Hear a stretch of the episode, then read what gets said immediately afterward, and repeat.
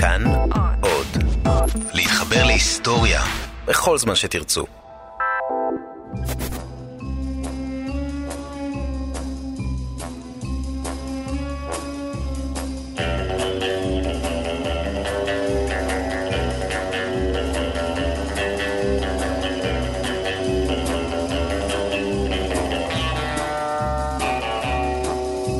על פי אתר האינטרנט של ארגון הביון הבריטי, ה-MI5, רוב הממשלות בעולם מקבלות החלטות שנשענות על מידע שנאסף עבורן. ריגול, אומר ה-MI5, הוא התהליך בו נאסף מידע שבדרך כלל לא זמין לציבור באמצעות מקורות אנושיים, סוכנים, או אמצעים טכניים, כמו פריצה למערכות מחשוב. ייתכן גם כי הוא יעסוק בהשפעה על מקבלי ההחלטות ומעצבי הדעה על מנת לקדם את האינטרס של כוח זר.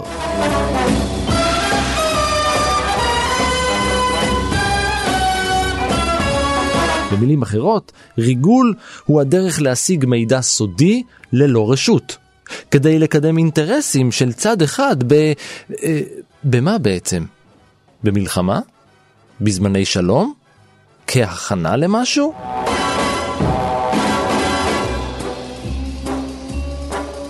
איום המרגלים, אומר ה-MI5, לא נגמר עם נפילתה של ברית המועצות בשנות התשעים. הוא ממשיך ביתר שאת, והוא לא רק יעיל להרבה מאוד שחקנים במגרש המשחקים הבינלאומי, הוא גם מאוד מאוד מזיק להם.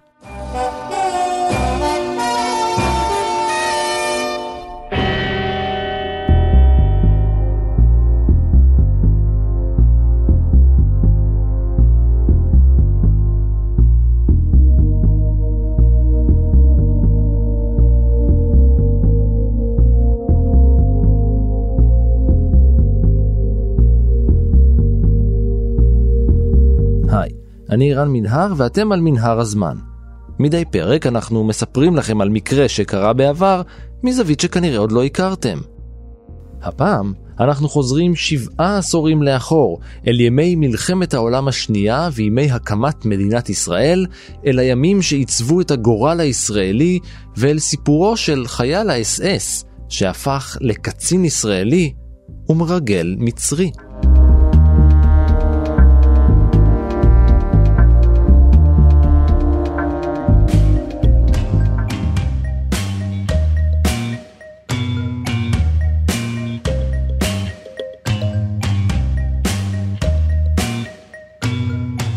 העיר קלינינגרד שברוסיה לא נקראה ככה תמיד. היא גם לא תמיד הייתה ברוסיה.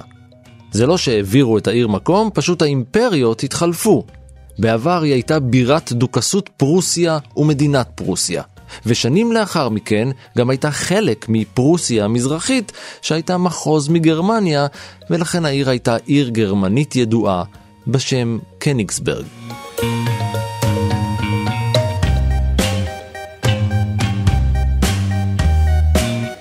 בשנת 1923 נולד בעיר התינוק אולריך שנפט, והוא נולד לאם יחידנית, מה שנקרא חד-הורית.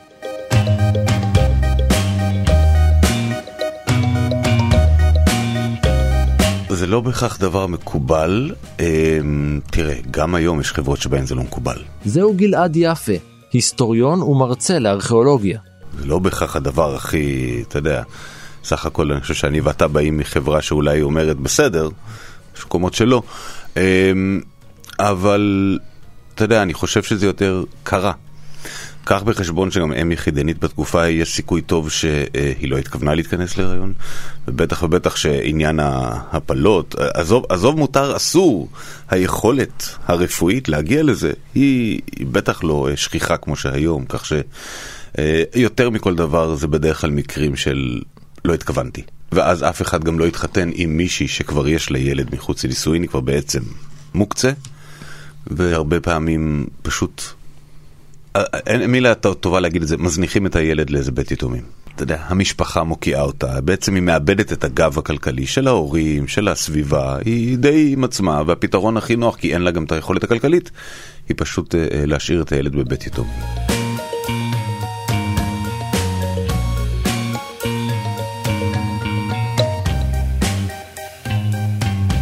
כיוון שכך, לאמו של אולריך לא הייתה הרבה ברירה, והיא הפקידה אותו בבית יתומים. על פי גרסה אחרת, הוריו פשוט הלכו לעולמם כשהיה תינוק. בכל מקרה, לאולריך הקטן היה מזל. משפחה גרמניה אימצה אותו, והוא גדל כגרמני לכל דבר.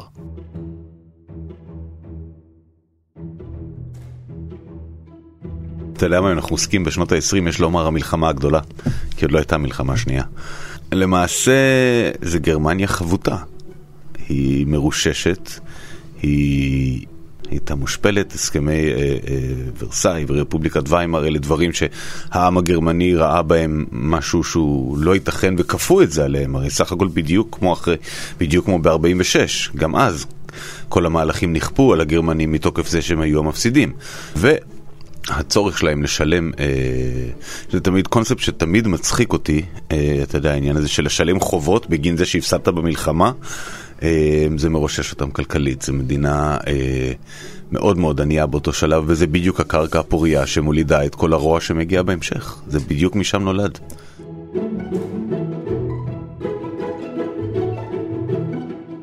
כמו אמו של אולריך, גם גרמניה הייתה מוקצת. אולריך התחנך כיאה לרוח התקופה. לאחר שסיים את לימודי בית הספר היסודי, הוא למד במשך שש שנים בבית ספר מקצועי, וסיים בשנת 1941 כשהוא נושא את הטייטל טכנאי מכונות.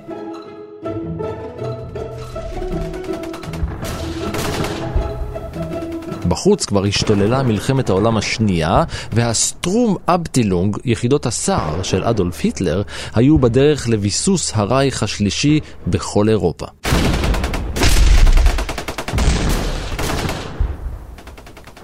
על מנת להבטיח את ביטחון המטה שלו, עם תחילת שלטונו הקים היטלר גם את משמר המטה, השטאבסוואחה, שזכה לראשי התיבות SS.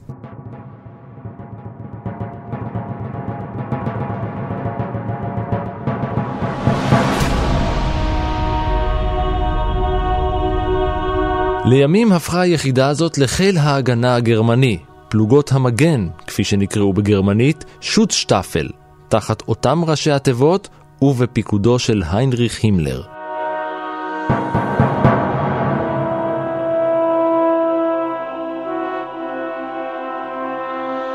תחת האס-אס הוקמה יחידה חמושה, הוואפן אס-אס, האס-אס החמוש, הזרוע הצבאית של האס-אס.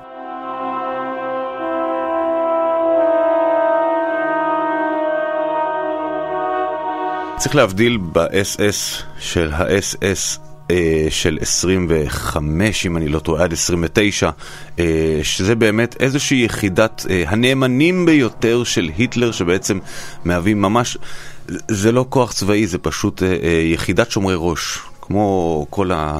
אתה יודע, שומרי ראש החסונים הגדולים שמסתובבים סביב המנהיגים, בדיוק ככה. זה מתרחב עם הזמן, זה גדל.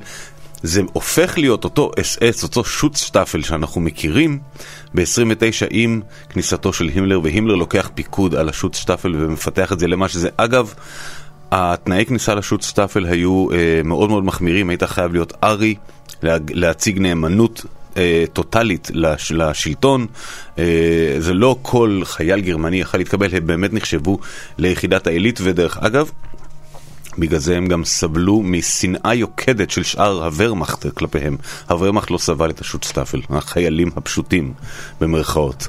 הוואפן אס-אס מתפתח בהמשך, ובאמת, אם השוצשטאפל הם אנשים שהתפקיד שלהם הוא, הוא יותר, נקרא לזה יותר, בוא נגיד, שב"כ שכזה, שמתעסק ממש באזרחים ובתוך הבתים הפרטיים ובשכונות, הוואפן אס-אס הם ממש יחידה לוחמת. הדוגמה הכי טובה להמחיש מה ההבדל ביניהם הוא... לחשוב שהוואפן אס אס היו למעשה החיילים שדיכאו את מרד גטו ורשה ב-43. כששלחו את הגרמנים פנימה אה, לדכא את המרד, ובעצם האנשים שהשחיתו את הגטו והרגו שם את כל היהודים במהלך המרד באפריל 43, אלה היו וואפן אס אס. זה נותן תמונה מה הם עשו בעצם.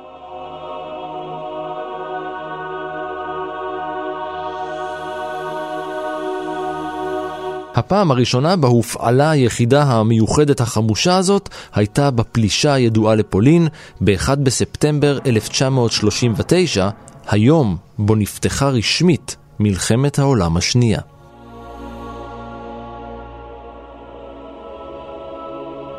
הוואפן אס אס ביצעו פשעים קשים נגד האנושות. אז צריך גם להגיד קודם כל שגם ההפך היה. אנחנו מכירים גם מקרים של אמריקאים ובריטים שהתעללו קשות בגרמנים, כלומר צריך לשים את זה על, ה, על השולחן, צריך לדעת זה לא רק הגרמנים והוואפן אס אס והגולגולת שהתעללו, אבל אין ספק שרוב המוות שאנחנו מכירים במחנות ההשמדה הוא יחידת הגולגולת. יחידת הגולגולת? זה התחיל בתור כינוי, אבל כן, זה שם שנקרא לזה ככה, זה, זה שם שנדבק.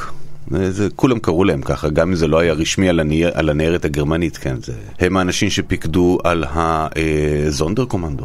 למשל, אותם יהודים שנשלחו אה, לפנות אחר כך את כל הפריטים היקרי ערך.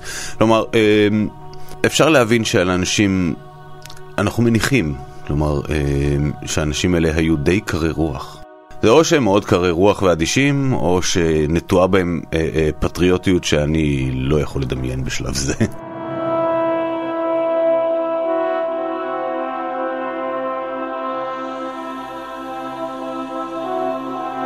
אולריך שנפט שלנו גויס לשורות הוואפן אס אס. אני לא סתם אומר שלנו, מיד אנחנו מגיעים לזה. לאחר שהצטרף לצבא בגיל 18, הוא נשלח אל קווי האש בחזית המזרחית ברוסיה. ושם, בקור הרוסי ובקרבות האיומים, הוא נפצע. בברברוסה. הובהל במהירות האפשרית לקבלת טיפול רפואי, ומשם הוא עבר להמשך טיפול ומעקב בבית חולים בגרמניה. אפשר לדמיין כי הפציעה הזאת הייתה סימן לכך שהמלחמה נגמרה עבורו, אבל זה לא היה המצב. הפציעה הייתה קלה בלבד, והוא נשלח לחזית, הפעם ביוגוסלביה. ואז הוא עבר להגן על הרייך באיטליה. זה לא הצליח לו.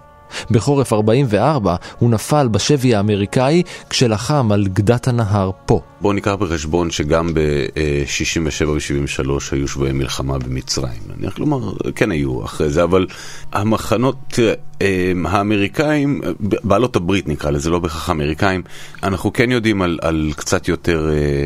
אה, אנושיות זה המילה. אמ, זה קצת יותר אה, אה, מסודר. הגרמנים, וזה בא מתוך, זה בא מתוקף זה שגם אה, הרבה מקרים הגרמנים, היו הרבה חיילים גרמנים שכבר נפלו בשבי, היה עדיף להם השבי מאשר המלחמה. בשבי הם ידעו שהם יצאו מזה בחיים. זה כמו לקראת סוף המלחמה, אנחנו מכירים חיילים גרמנים שרצו להיתפס בשבי האמריקאי לפני שהם התאפסו בשבי הרוסי, כי הם הבינו איזה שבי יותר נוח. איפה יהיה יותר טוב? אולריך שנפט נותר אסיר מלחמה במשך כל שארית המלחמה, גם לאחריה. הוא נותר במאסר עד אמצע 1947, עד שהאמריקאים בחנו את המקרה שלו לעומק והחליטו שלמרות שהיה חלק מהכוח הבזוי, האלים והנפשע של גרמניה הנאצית, אולריך עצמו לא ביצע שום פשע מלחמה.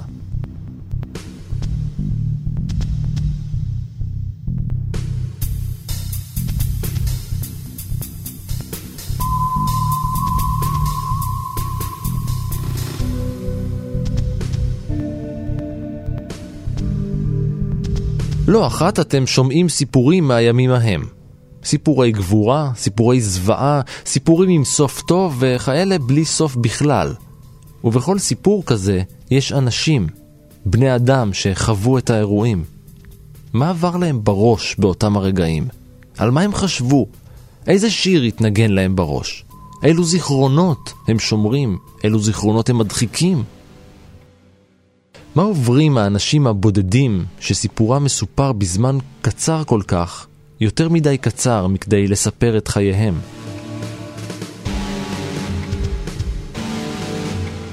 באותו רגע אתה לא, אתה נתון בתוך המערכת הצבאית הנורא קשה הזו. אתה לא עוצר לחשוב, כי לימדו אותך לא לחשוב. אתה הולך ועושה את מה שאתה צריך לעשות.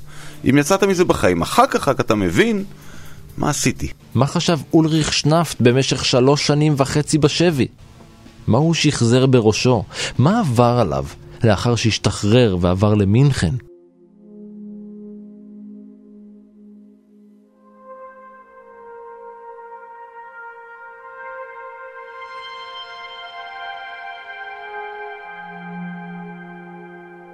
היא די גמורה, היא לא גמורה, תראה, זה לא ברמת הדרזדן בוא נגיד, זה לא ברמה הזאת של דרזדן ולא ברלין, אבל כן, כן, היא כמו, בערך כמו כל גרמניה. זה מעניין גם כי דרך אגב, אתה יודע מי עוד חזר למינכן אחרי המלחמה? היטלר ב-1918 חוזר למינכן אחרי המלחמה, בדיוק אותו מהלך. הוא חוזר למינכן כי זה הכי קרוב לו לבית, זה מה שהוא מכיר, זה... ושוב, ברלין גמורה והרוסה עד היסוד, ומה גם, קח בחשבון כמה שאתה יותר מזרחה בגרמניה, אתה יותר חשוף לרוסים, הם לא רצו להתקרב לכוחות הסובייטים בשום אופן.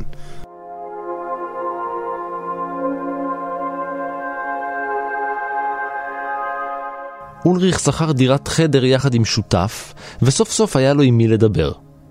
מצד שני, לשותף היה הרבה מאוד מה לספר. הוא היה יהודי צעיר שהצליח לשרוד את כל שנות הגהנום של גרמניה, והוא סיפר לאולריך על הצד שלו במלחמה. ואולריך הקשיב. אותו שותף יהודי גם סיפר לו על מאמצי ההצלה, הסיוע והתמיכה של כל מיני ארגונים למען ניצולי השואה. ארגון אחד שכזה היה ג'וינט, כינויה של ועדת התפוצות היהודית-אמריקנית המאוחדת. היא שמה לה למטרה לסייע ליהודים במרכז אירופה, במזרחה ובמזרח התיכון. תראה, זה ארגונים שהם קיימים כבר מתחילת המאה ה-20, זה ארגונים שהמטרה שלהם היא בעצם, באמת, הם באים מתוך העולם הזה של לעזור ליהדות, ו... האנטישמיות לא, לא קמה אה, אה, ב-1933, האנטישמיות היא אירוע גואה, ולהפך, היא גם קיימת עוד גם במלחמת העולם הראשונה. הרי זה מדהים לחשוב שבמלחמת העולם הראשונה כמה חיילים יהודים אכלסו את הצבא הגרמני, והרי היום יש תזה שלמה שטוענת שני דברים שהם שונים מהתפיסה שהייתה עד היום. האחת, שמתייחסים לזה בתור מלחמה אחת, 1914 עד 46, עם 20 שנות הפסקה, אבל... גם ה-20 שנות הפסקה האלה מכילות מהלכים פוליטיים שהם קשורים גם לפה, גם ל- ל- לראשונה וגם לשנייה. אה, ובתווך נמצאים הארגונים האלה, שכל מה שהם רוצים זה, זה לסייע, לא בהכרח דרך אגב להביא את כל היהודים לפלסטינה אז, אבל אפילו לסייע להם במקום. שותפו היהודי של אולריך שנף ציפר לו כי הג'וינט ארגן חבילות מזון וסיוע כלכלי לעקורים באירופה. הסיפור הזה נגע באולריך עמוק, שכן זו הייתה התקופה בה הוא סבל מחוסר. גם בהכנסה, גם בעבודה וגם במזון. מצבה הכלכלי הרעוע של גרמניה, הבור הכלכלי שנכנסה אליו עוד במלחמת העולם הראשונה, היה עמוק מאוד, וכעת, תחת כיבוש של בעלות הברית, הכסף היה נדיר. זה שהייתה לו קורת גג ושותף שתמך בו, היו עניין נדיר. מיליוני גרמנים נותרו חסרי כל, ממש בלי כלום. בלי מקום לישון, בלי אוכל. הוא לא ראה שום עתיד במדינה החבוטה, המושפלת, הארוסה, ולכן ההיגיון הוביל אותו לעשות מעשה שסלל את גורלו בנתיב אחר לגמרי מזה שהיה עד כה. הוא החליט שכדי לשרוד, להשיג מזון וקורת גג ולבנות לעצמו חיים במקום אחר, שהוא לא גרמניה, הוא יתחזה ליהודי ניצול שואה.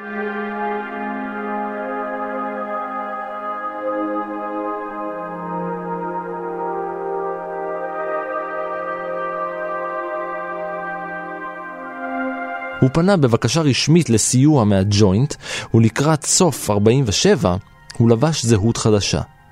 הוא הצהיר כי אמו הייתה גרמניה נוצריה, אך אביו היה יהודי בשם יוליוס זיס. הוא עצמו הפך לגבריאל זיסמן. דרך אגב, זה מוזר הטיעון הזה שלו, כי זה לא ברור איך זה עבר. כי אנחנו יודעים שב... יהדות נקבעת על פי האימא, אם אין לך שום קריטריון אחר, אתה יודע מאיפה זה בא. זה הרי בא מ, אה, מהסופות בנגב, מהפרעות ברוסיה, עקב כל המעשה אונס של הקוזקים את הנשים היהודיות ולא ידעו מי האבא, הוחלט קטגורית מאותו רגע שאם ילד נולד לאמא יהודייה הוא יהודי. לבוא בטענה שהאבא הוא יהודי, לא בהכרח הופך אותך ליהודי, כך שזה מעניין שהג'וינט החליקו לו את זה. זו הייתה אחת מתוך שלוש החלטות קריטיות שקיבל בחייו.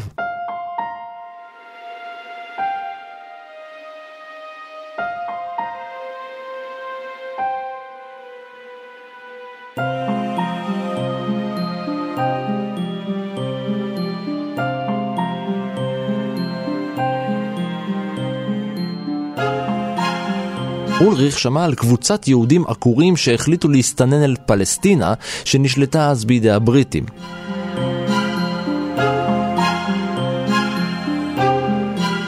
כמובן שהכל אה, מסתובב סביב העלייה הבלתי לגלית, מה שאנחנו קוראים ההעפלה. העפלה זה הרי זה קצת מכבסת מילים. בסופו של דבר, נאהב את זה או לא נאהב את זה לטובתנו לרעתנו, זה היה מעשים לא חוקיים, מה לעשות? יש פה אה, שלטון, הוא קיבל את ה... אם גם אנחנו לא אוהבים את זה, הוא קיבל את השלטון, הוא לא אישר את העלייה, הרי זה הכל מתחבר אה, אה, לספר הלבן של 39 של מקדונלדס, עם הגבלת כמות היהודים שמותר לעלות לארץ ישראל. הרי זה, הרגע הזה של 39 שבו יוצא הספר הלבן ופורץ את המלחמה הוא רגע קשה מאוד לעם היהודי בישראל. ובכל זאת, תראה, זה, אתה יודע, צריך להעריך את הגישת ה... לא אכפת לי, אני עולה.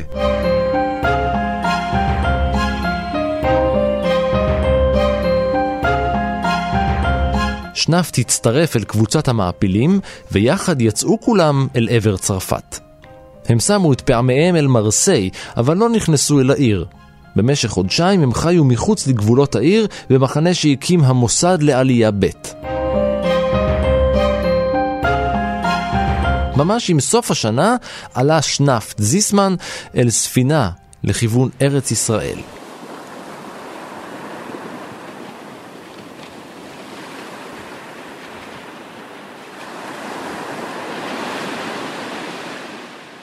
כמו שמי דצמבר, גם העתיד לא היה בהיר.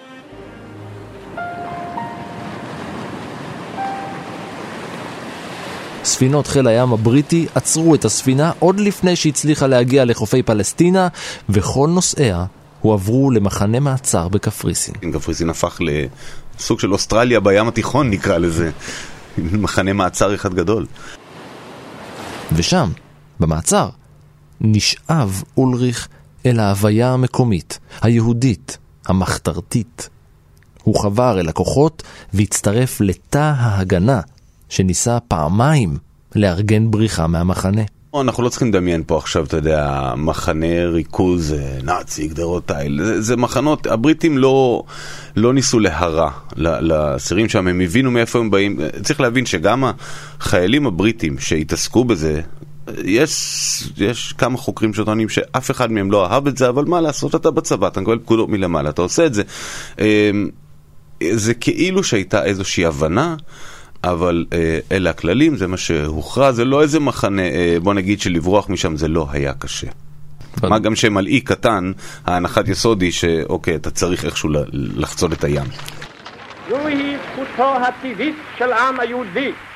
אחרי כמה חודשים, במאי 1948, הוכרזה עצמאותה של מדינה חדשה, מדינת ישראל. לפיכך נתכנסנו אנו חברי מועצת העם, נציגי היישוב העברי והתנועה הציונית, ותוקף זכותנו הטבעית וההיסטורית, ועל יסוד החלטת עשרת האומות המאוחדות, אנו מכריזים בזאת על הקמת מדינה יהודית בארץ ישראל, היא מדינת ישראל. המנדט נגמר והבריטים הסתלקו מהאזור. על הדרך הם שחררו את העצורים בקפריסין, אבל לא את כולם. במדינה הצעירה השתוללה מלחמה, ובמחנות של קפריסין נותרו כל הצעירים שהגיעו לגיל גיוס. ההחלטה הזאת אולי הצילה את חייו של אולריך שנפט. רק שנה לאחר מכן, עם סיום המלחמה, הפליג יחד עם שאר המשוחררים מהמחנות אל חיפה. הוא השתקע בקיבוץ קריית ענבים שבערי יהודה, ונכנס אל האולפן ללמוד עברית. אם כבר יהודי, אז עד הסוף. באוגוסט 1949, כשהוא בן 26, גויס גבריאל זיסמן לצבא ההגנה לישראל. שזה הטוויסט הכי מטורף בכל הסיפור הזה. אחרי הכשרה קצרה, בכל זאת לאיש היה ניסיון לא קטן במסגרת צבאית לא קטנה, הוא עבר קורס מ"כים. אבל הוא הצהיר כי הוא מעוניין לצאת להתיישבות, ולכן שוחרר מהצבא והתקבל לחברות במושב ליד אשקלון. אני יכול להבין, אני יכול, אני לא יודע, אני יכול להבין את הגישה שלו. אני חושב שהוא הספיקה לו המלחמה. אני חושב שהרצון שלו לקחת חלק בצד ההתיישבותי ולא בצד המלחמתי אה, בא מתוך איזשהו מקום של, הוא עבר את מלחמת העולם השנייה, את החזית המזרחית, יוגוסלביה, זה אפשר להבין שהוא לא רוצה עוד. למרות שחי חיי אזרח, זיסמן שמר על הקריירה הצבאית שלו ושימש כמדריך אזרחי. הוא הצליח להרשים את המפקדים שלו בידע הצבאי העשיר שלו, אז הם הציעו לו לחזור לשירות פעיל, אבל הפעם כקצין.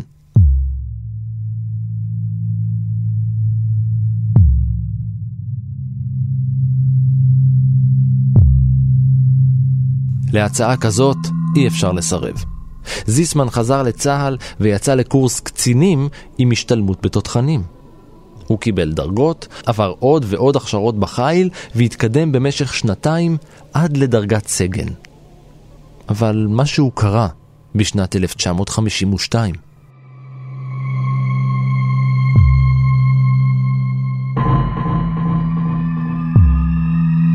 שירות החובה שלו הסתיים והוא הגיש בקשה לחתום קבע. וזה, כידוע, הצריך בדיקה של מחלקת ביטחון שדה על הרקע שלו. כמה מחבריו ליחידה, קצינים ששירתו איתו, סיפרו לחוקרים כי הוא התנהג מוזר. כמה מוזר? פעם אחת, כשהשתכר, הוא הודה בפניהם שהוא חי בזהות בדויה, ואפילו הראה להם תמונה שלו במדים של הצבא הנאצי.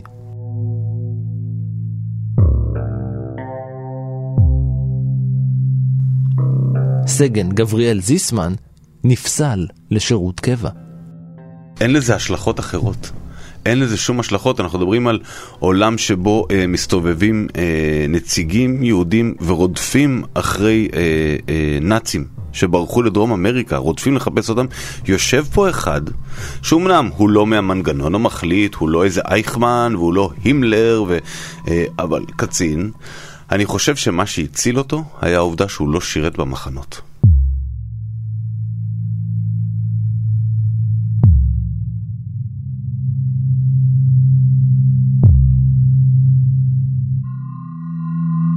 שוב נותר זיסמן שנפט חסר מעש. הוא עבר להתגורר בדירה שכורה באשקלון וחיפש תעסוקה בכל מיני צורות, רק כדי לחסוך כסף. למה הכסף? השבר הגדול שחש מסירובו של צה"ל לקבל אותו לשורות חיילי הקבע, דחק אותו להחליט עוד החלטה. הוא שוב לא ראה את עצמו חי במדינה בה חי. הוא שוב רצה לעבור למקום אחר, להתחיל חיים בפעם השלישית. אבל הפעם הוא לא היה לבד.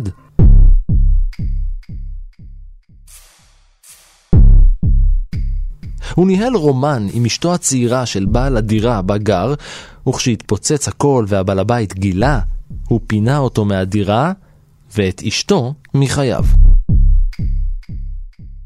שני הנואפים עברו לגור בחיפה.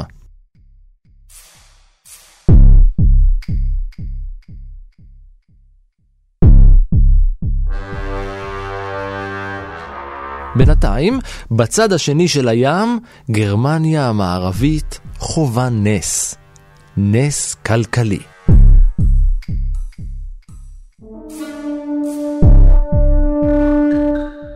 אנחנו עדיין במזרח מערב, זה לא כל גרמניה, זה גרמניה המערבית שיושבים אצלה צרפת ובריטניה, אבל כן, היא מתאוששת, היא מתחילה להתאושש מתוך כל המפלה הכלכלית של אחרי אה, המלחמה.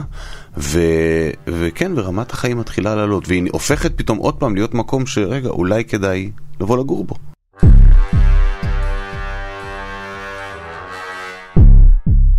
כששמע גבריאל אולריך את החדשות מגרמניה, הוא קיבל את ההחלטה הקריטית השנייה שקיבל בחייו. הוא החליט לחזור לגרמניה.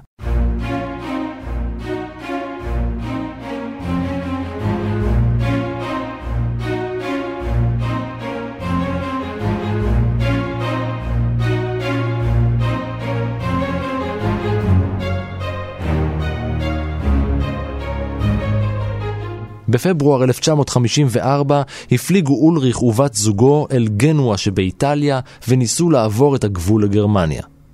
אך דרכונו הישראלי של זיסמן מנע ממנו להתקדם הלאה. יחסי גרמניה-ישראל בשנות ה-50 לא היו קיימים.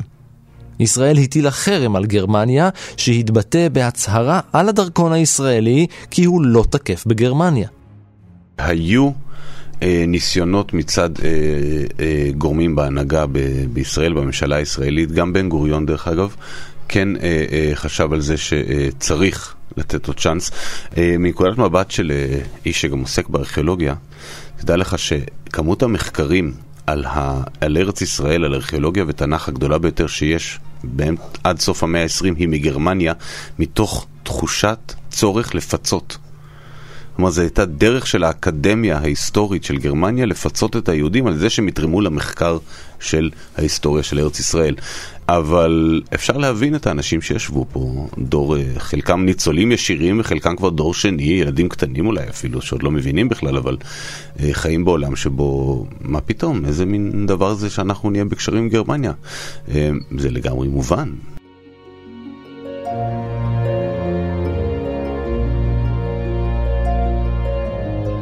שנפט פנה לקונסול הגרמני שבאיטליה, סיפר לו את סיפור חייו האומלל וביקש ממנו אשרת כניסה.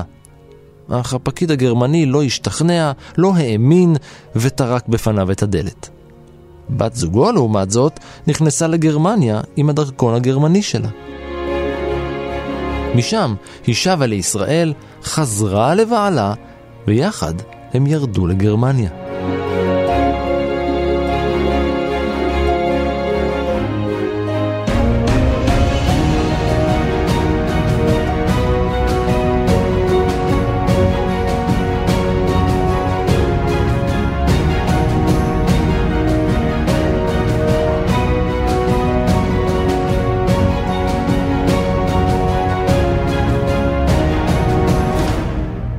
כשהוא חסר כל, כמעט ללא כסף וללא מדינה, שנפט קיבל את ההחלטה הקריטית השלישית והאחרונה בשרשרת ההחלטות של חייו.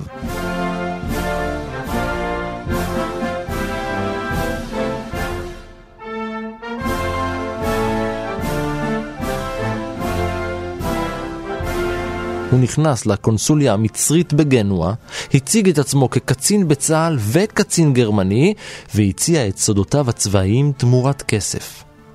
סודותיו הצבאיים הישראליים. התמורה? כניסה לגרמניה.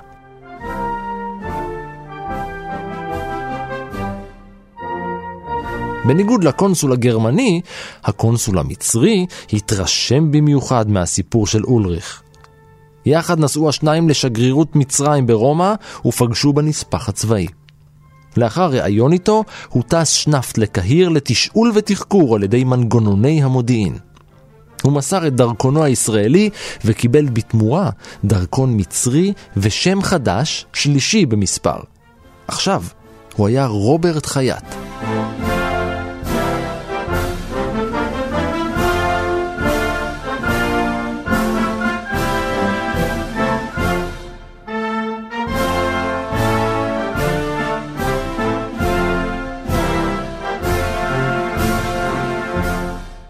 רוברט חייט חי בקהיר במשך חודש, ובכל אותו החודש הוא היה מעיין נובע של מידע עבור המודיעין המצרי. הוא סיפק להם אינפורמציה בנוגע ליחידות צה"ל, מסר פרטים על חימוש, תקן, תוכניות אימונים, בסיסים ושמות של קצינים. המצרים היו בעננים. דבר כזה הם לא חוו מעולם. הם כל כך היו מרוצים שהם ביקשו מחייט לחזור לישראל בעוד זהות בדויה, להתגייס שוב לצה"ל ולשמש כסוכן שלהם בתוך הצבא עצמו. אבל הוא סירב. אני חושב שהוא הבין שהוא לא יכול. אפשר להגיד עליו שני דברים במקביל. ברור לגמרי שלאיש לא היה מזל. מסכן. אבל במקביל הוא לא היה טיפש. הוא לא היה טיפש, הוא ידע מה עושה, ואני חושב שהוא הבין שעוד פעם להיכנס לצה"ל, זה כבר צה"ל, אנחנו מדברים על צה"ל, זה כבר צבא מסודר, מאורגן, עם רישומים, עם אה, אה, מספרים אישיים, תעודות, אה, אני חושב שהוא פשוט הבין שהוא לא יוכל, אה, וכל מה שהוא חיפש, הרי בסופו של דבר, מרגע שנגמרה מלחמת העולם הש, השנייה, שנאפ מחפש דבר אחד בלבד, שקט, שלווה ומקום לנוח. ולחזור לצה"ל בטח לא ייתן לו את זה.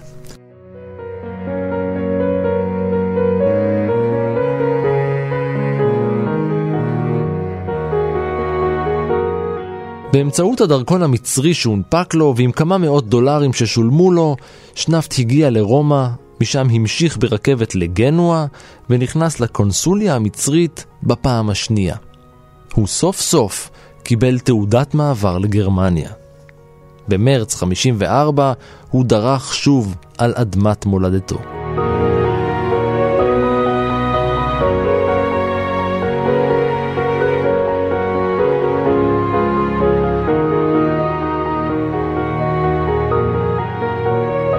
איך מתחילים שוב מחדש? הוא ודאי תהה. היו לו שתי נקודות להיאחז בהן. אחת הייתה דודה שלו, שניהלה בית מרקחת בפרנקפורט. השנייה הייתה המאהבת הישראלית שלו, שחיה בברלין עם בעל הבית שלו לשעבר. הוא הגיע אליהם, ובניסיון נואש לזכות שוב באהבתה, התוודה בפניה על זהויותיו השונות, על עברו הנאצי ועל תפקידו עבור המודיעין המצרי. היא סירבה. אני מניח שגם אתם הייתם מסרבים. אם תשני את דעתך, הוא אמר לה, זו הכתובת שלי, והוא נתן לה את הכתובת של דודה שלו בפרנקפורט.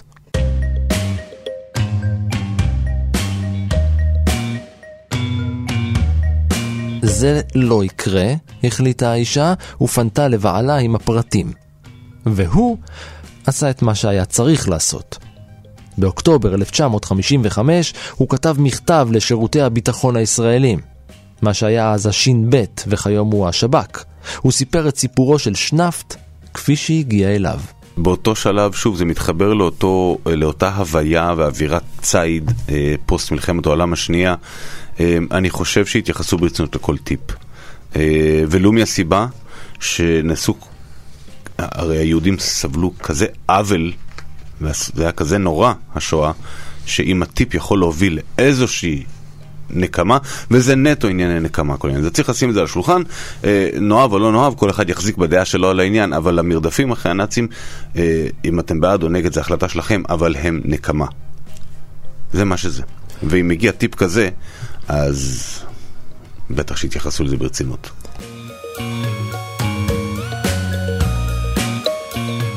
אחרי דיון ובחינה של הפרטים, הוחלט במשרדי הש"ב לפגוש את שנפט באופן אישי. לתמונה נכנס המוסד למודיעין ולתפקידים מיוחדים, וסוכנים מטעמו יצאו לאירופה בזהות בדויה.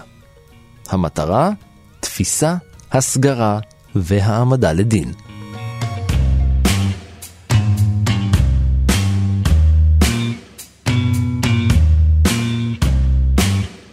מטרת המבצע להבאתו של שנפט לארץ הייתה גדולה יותר מסתם לכידתו שלו אישית. הנזק שהוא עשה במידע שנתן למצרים היה מזערי, אבל המבצע הזה שירת את תדמיתה של המדינה הצעירה. אנחנו יכולים להגיע לכל מקום בעולם ולתפוס בפינצטה את אחרון הבוגדים.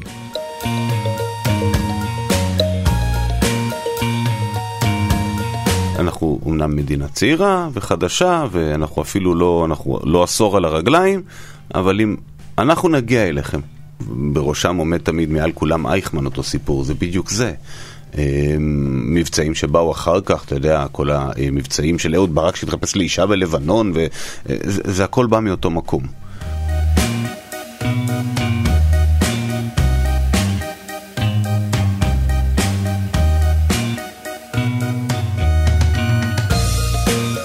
סוכני הש"ב נפרסו בפרנקפורט וגילו ששנפט חי בעולב, עוני ותנאים מחפירים. הם עקבו אחריו במשך שבועות, צילמו אותו ותיעדו אותו. כשהגיעו סוכני המוסד, הוחלט על הפעולה שתפתה אותו לשוב לגבולות ישראל.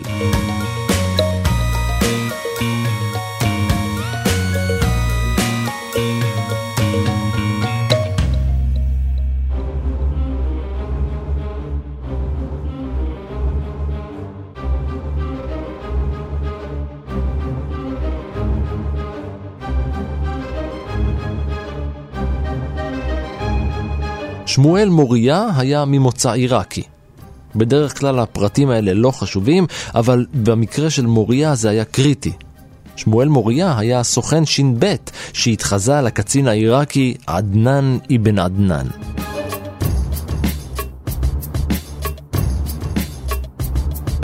הוא יצר קשר עם שנפט, ובאירוע חברתי סיפר לו שגם הוא היה בכוחות של הוואפן אס השניים קבעו לצהריים למחרת.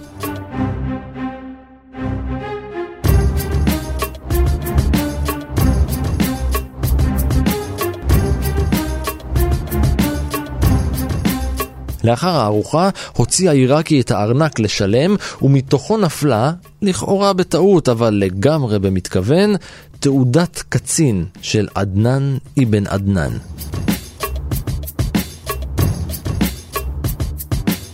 שנפט הביט בה בהשתאות. קצין עיראקי?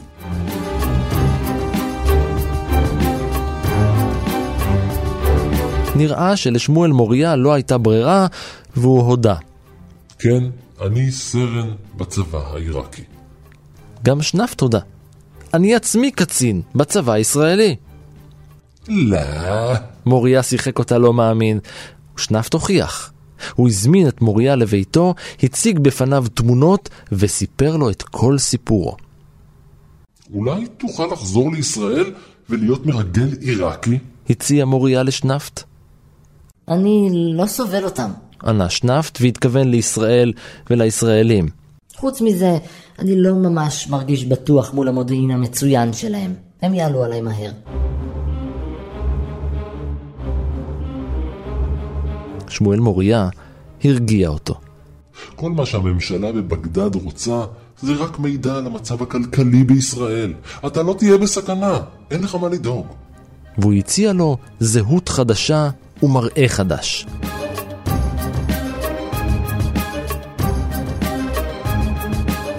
שנפט הסכים.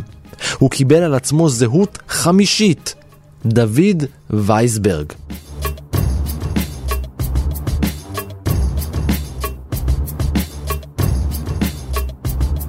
אחרי בילוי בפריז בליל השנה החדשה, ב-1 בינואר 1956 עלה שנפט על טיסה לישראל כשהוא נושא דרכון ישראלי מזויף.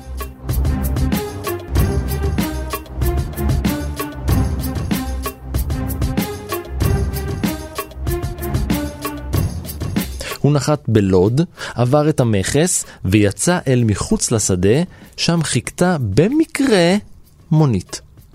הוא רק התיישב במונית, ושני סוכני ש"ב נכנסו אחריו ולכדו אותו בתוך הרכב.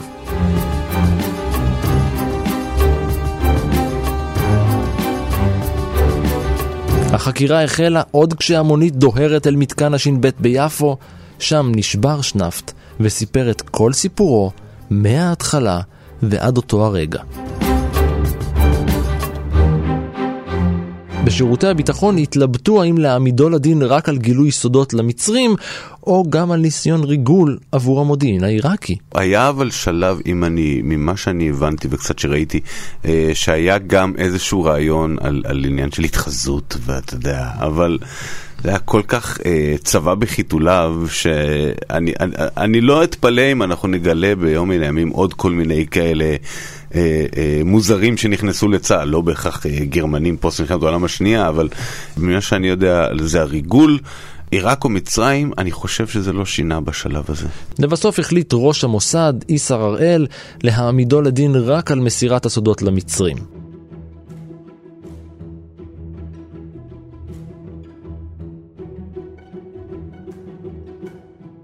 אולריך שנפט עמד למשפט, הורשע ונידון לשבע שנות מאסר בכלא רמלה. חברו לתא היה זאב אקשטיין, רוצחו של ישראל קסטנר. בוא, בוא, בוא נשים דברים על השולחן, הוא לא באמת ריגל בשביל העיראקים. כלומר, הם, הם טוענים שהוא התכוון, אבל הוא לא. כלומר, הפשע עצמו לא בוצע. אנחנו, אנחנו מדברים פה על משפט ש, ו, ועונש על כוונה. הוא הגיע למצרים, נכון, אבל גם, כמה הוא, אה, אולי, אולי הסטנדרטים היו שאני... אחרי חמש שנות מאסר וניקוי שליש, הוא שוחרר בשנת 1961. אקשטיין הרוצח טען שהוא הפך לחומר לותרני ולתומך ישראל, אבל זה מידע לא מאומת. אבל, אבל זה מאוד אה, ארטילאי והפרטים לא, לא, לא היו ברורים, כלומר, אבל גם, אה, תראה, מרגע שהוא סיים את, ה, את המאסר שלו ועזב את הארץ מבחינת מדינת ישראל, די. חלאס, סיימנו גם, זה, אני לא חושב שאפילו זה ברמת ה... בואו נמשיך מעקב, נראה מה קורה איתו. סך הכל, גם בואו נודה על האמת, עבודת ריגול שלו לא הייתה כזו מדהימה שצריך עכשיו לדאוג שהוא יחזור לזירה ויעשה פה שמות. אה, מה גם הוא חוזר לגרמניה של 61, אני מזכיר לך באוגוסט קמה החומה, המצב שם רק מתחיל להידרדר עוד פעם, בטח בגרמניה המזרחית, אה, הקומוניזם גואה. אה, מלחמה קרה בשיאה, יש דברים אחרים לדאוג להם.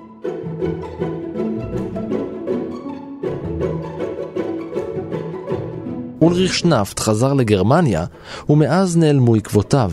אולי הוא שוב החליף זהות.